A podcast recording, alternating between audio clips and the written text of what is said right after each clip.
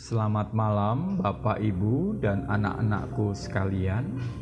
Kembali kita bersatu hati dalam doa bersama malam ini, Kamis 13 Agustus 2020. Bersama saya, Yoel Muwun Indrasmoro.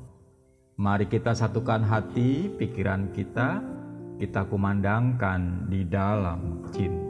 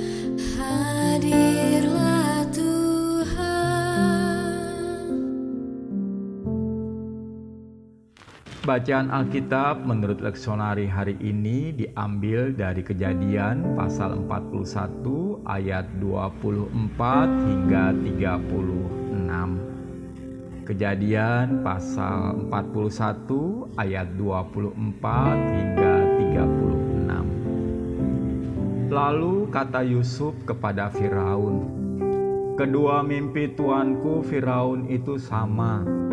Allah telah memberitahukan kepada tuanku Firaun apa yang hendak dilakukannya. Ketujuh ekor lembu yang baik itu ialah tujuh tahun, dan ketujuh buli gandum yang baik itu ialah tujuh tahun juga. Kedua mimpi itu sama. Ketujuh ekor lembu yang kurus dan buruk yang keluar kemudian, maksudnya tujuh tahun. Demikian pula ketujuh bulir gandum yang hampa dan layu oleh angin timur itu. Maksudnya akan ada tujuh tahun kelaparan. Inilah maksud perkataanku ketika aku berkata kepada tuanku Firaun. Allah telah memperlihatkan kepada tuanku Firaun apa yang hendak dilakukannya. Ketahuilah tuanku akan datang tujuh tahun kelimpahan di seluruh tanah Mesir. Kemudian akan timbul tujuh tahun kelaparan, maka akan dilupakan segala kelimpahan itu di tanah Mesir, karena kelaparan itu mengurus keringkan negeri ini. Sesudah itu akan tidak kelihatan lagi bekas-bekas kelimpahan di negeri ini karena kelaparan itu, sebab sangat hebatnya kelaparan itu. Sampai dua kali mimpi itu diulangi bagi tuanku Firaun berarti hal itu telah ditetapkan oleh Allah dan Allah akan segera melakukannya. Oleh sebab itu, baiklah tuanku Firaun mencari seorang yang berakal budi dan bijaksana dan mengangkatnya menjadi kuasa atas tanah Mesir.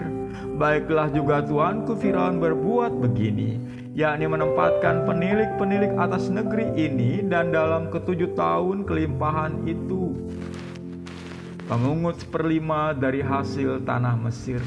Mereka harus mengumpulkan segala bahan makanan dalam tahun-tahun baik yang akan datang ini dan di bawah kuasa tuanku Firaun menimbun gandum di kota-kota sebagai bahan makanan serta menyimpannya. Demikianlah segala bahan makanan itu menjadi persediaan untuk negeri ini dalam ketujuh tahun kelaparan yang akan terjadi di tanah Mesir, supaya negeri ini jangan binasa karena kelaparan itu. Bapak, ibu, dan anak-anakku sekalian, dalam pemahaman Jawa, ini kata Linus Suryadi almarhum dalam buku pengakuan Pariem. Mimpi itu ada tiga macam. Mimpi sebagai bunga tidur, mimpi karena adanya keinginan yang tidak kesampaian di dunia nyata, dan mimpi karena petunjuk dari Tuhan. Karena itu, seorang yang bermimpi perlu menganalisis mimpinya.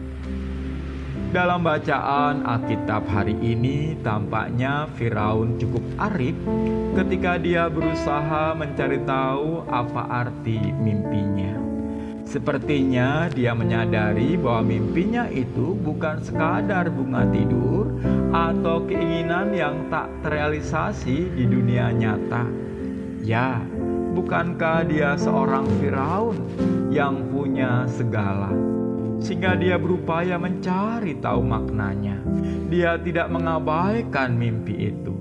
Penulis kitab kejadian menyatakan bahwa Firaun gelisah pada titik ini kita mesti meneladan Firaun. Bahkan setelah tahu maknanya, Firaun mengambil tindakan strategis sesuai usul Yusuf yang membuat Mesir nantinya menjadi berkat bagi bangsa-bangsa di sekitarnya, juga menghidupi Israel. Dia tidak hanya mencari makna mimpi, tetapi juga menjadikannya berguna. Ya, apa artinya mengetahui tanpa melaksanakan? Lalu, apa relevansinya bagi kita? Pertama, kita mesti PK. PK akan tanda-tanda dari Tuhan. Bisa jadi itu mimpi, sapaan teman, atau peristiwa-peristiwa yang kita alami. Kedua, apa maknanya. Pada titik ini kita butuhkan waktu untuk memahaminya. Mungkin kita bisa bertanya atau bercerita kepada pribadi lain. Namun pribadi yang selalu bisa diandalkan adalah Allah sendiri. Ketiga, lakukan sesuatu. Sekedar contoh, ketika kita mimpi bertemu dengan teman, kita bisa menghubunginya dan menanyakan kabarnya. Bisa jadi dia memang membutuhkan sapaan kita. Kalau kita tak bisa menghubunginya, kita bisa mendoakannya. Saat kita mendengar bahwa ada seseorang yang butuh pertolongan, kita bisa membantunya. Jika kita memang tidak bisa melakukannya, kita bisa menceritakan itu kepada orang yang kita percayai dan bersama-sama menolong orang tersebut. Atau sediakan waktu untuk berdoa baginya agar kuat dalam menghadapi pergumulannya. Sekali lagi, kita mesti PK terhadap tanda-tanda dari Tuhan. Dan tanda itu tidak sekedar mimpi. Itu bisa peristiwa, itu bisa cerita orang lain kepada kita. Amin. Mari kita berdoa.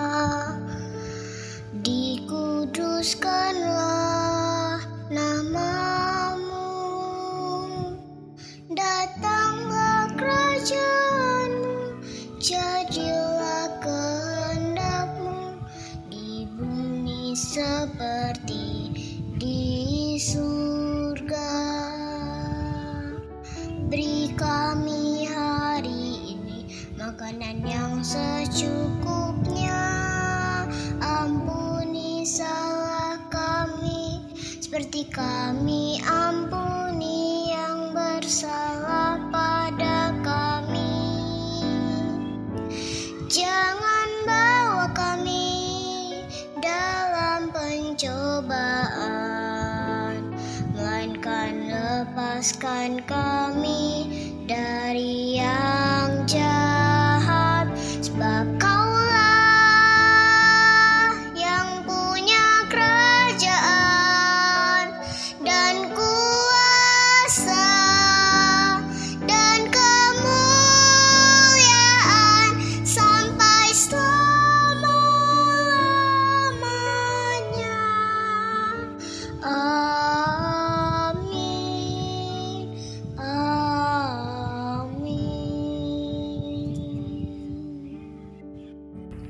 Ya Tuhan, Allah kami, berikanlah kami kepekaan untuk memahami tanda-tanda darimu. Kiranya Engkau terus menggelisahkan kami, sehingga kami dengan pertolonganmu akhirnya mampu memahami maknanya. Jangan biarkan kami mengabaikannya. Akhirnya ketika kami telah memahami makna dari tanda-tandamu, mampukan kami juga melakukan sesuatu. Sebab kami tahu bukan tanpa maksud engkau memberikan tanda-tandamu itu. Entah mimpi, sapaan teman, atau peristiwa-peristiwa yang kami alami. Tolong kami ya Tuhan, dalam pengasihanmu kami mohon. Tuhan,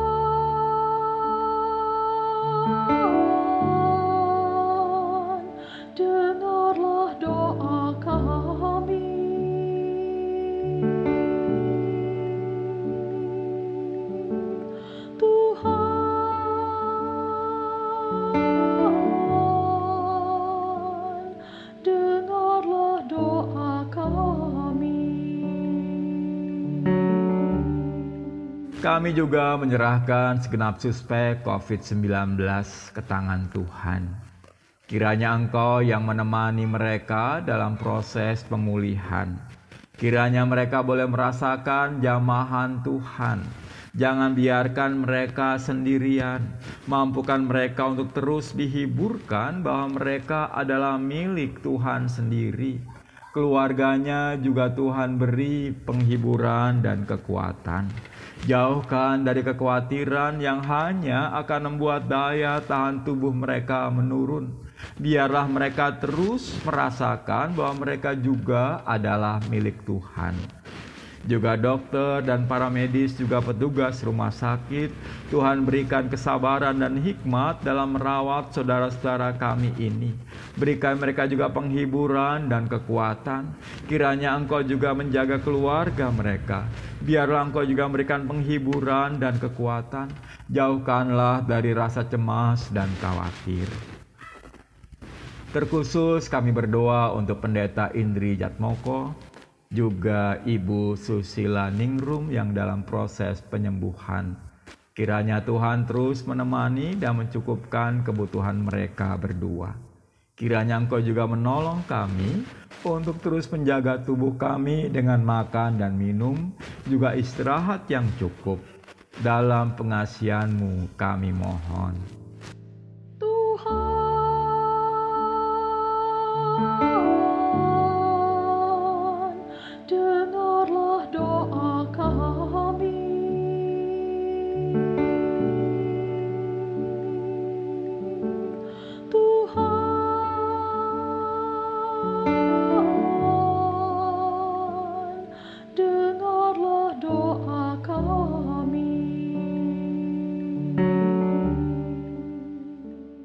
Ya Tuhan Allah kami, kami mohon berkat-Mu dalam uji vaksin Sinovac yang sedang berlangsung di kota Bandung melalui kerjasama dengan Bio Farma dan Universitas Pajajaran.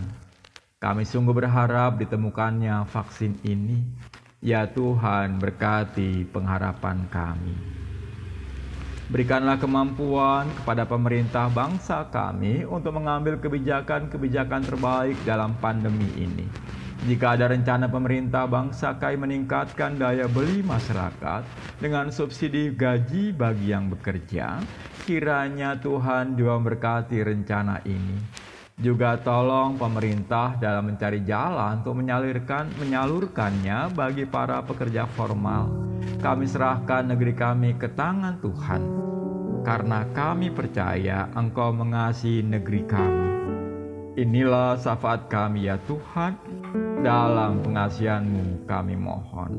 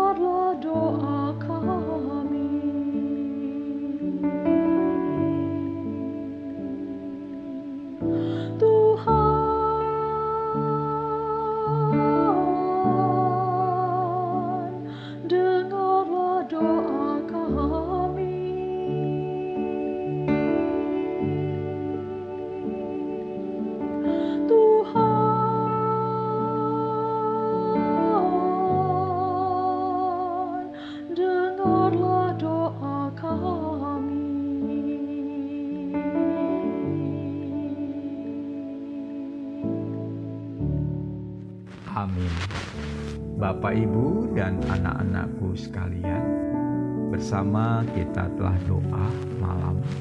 Mari kita istirahat, beri waktu yang cukup bagi kita dalam istirahat malam ini, dan biarlah esok kita bisa bangun dengan kesegaran yang dari Tuhan, menyambut berkat-berkat Tuhan yang baru. Tuhan memberkati.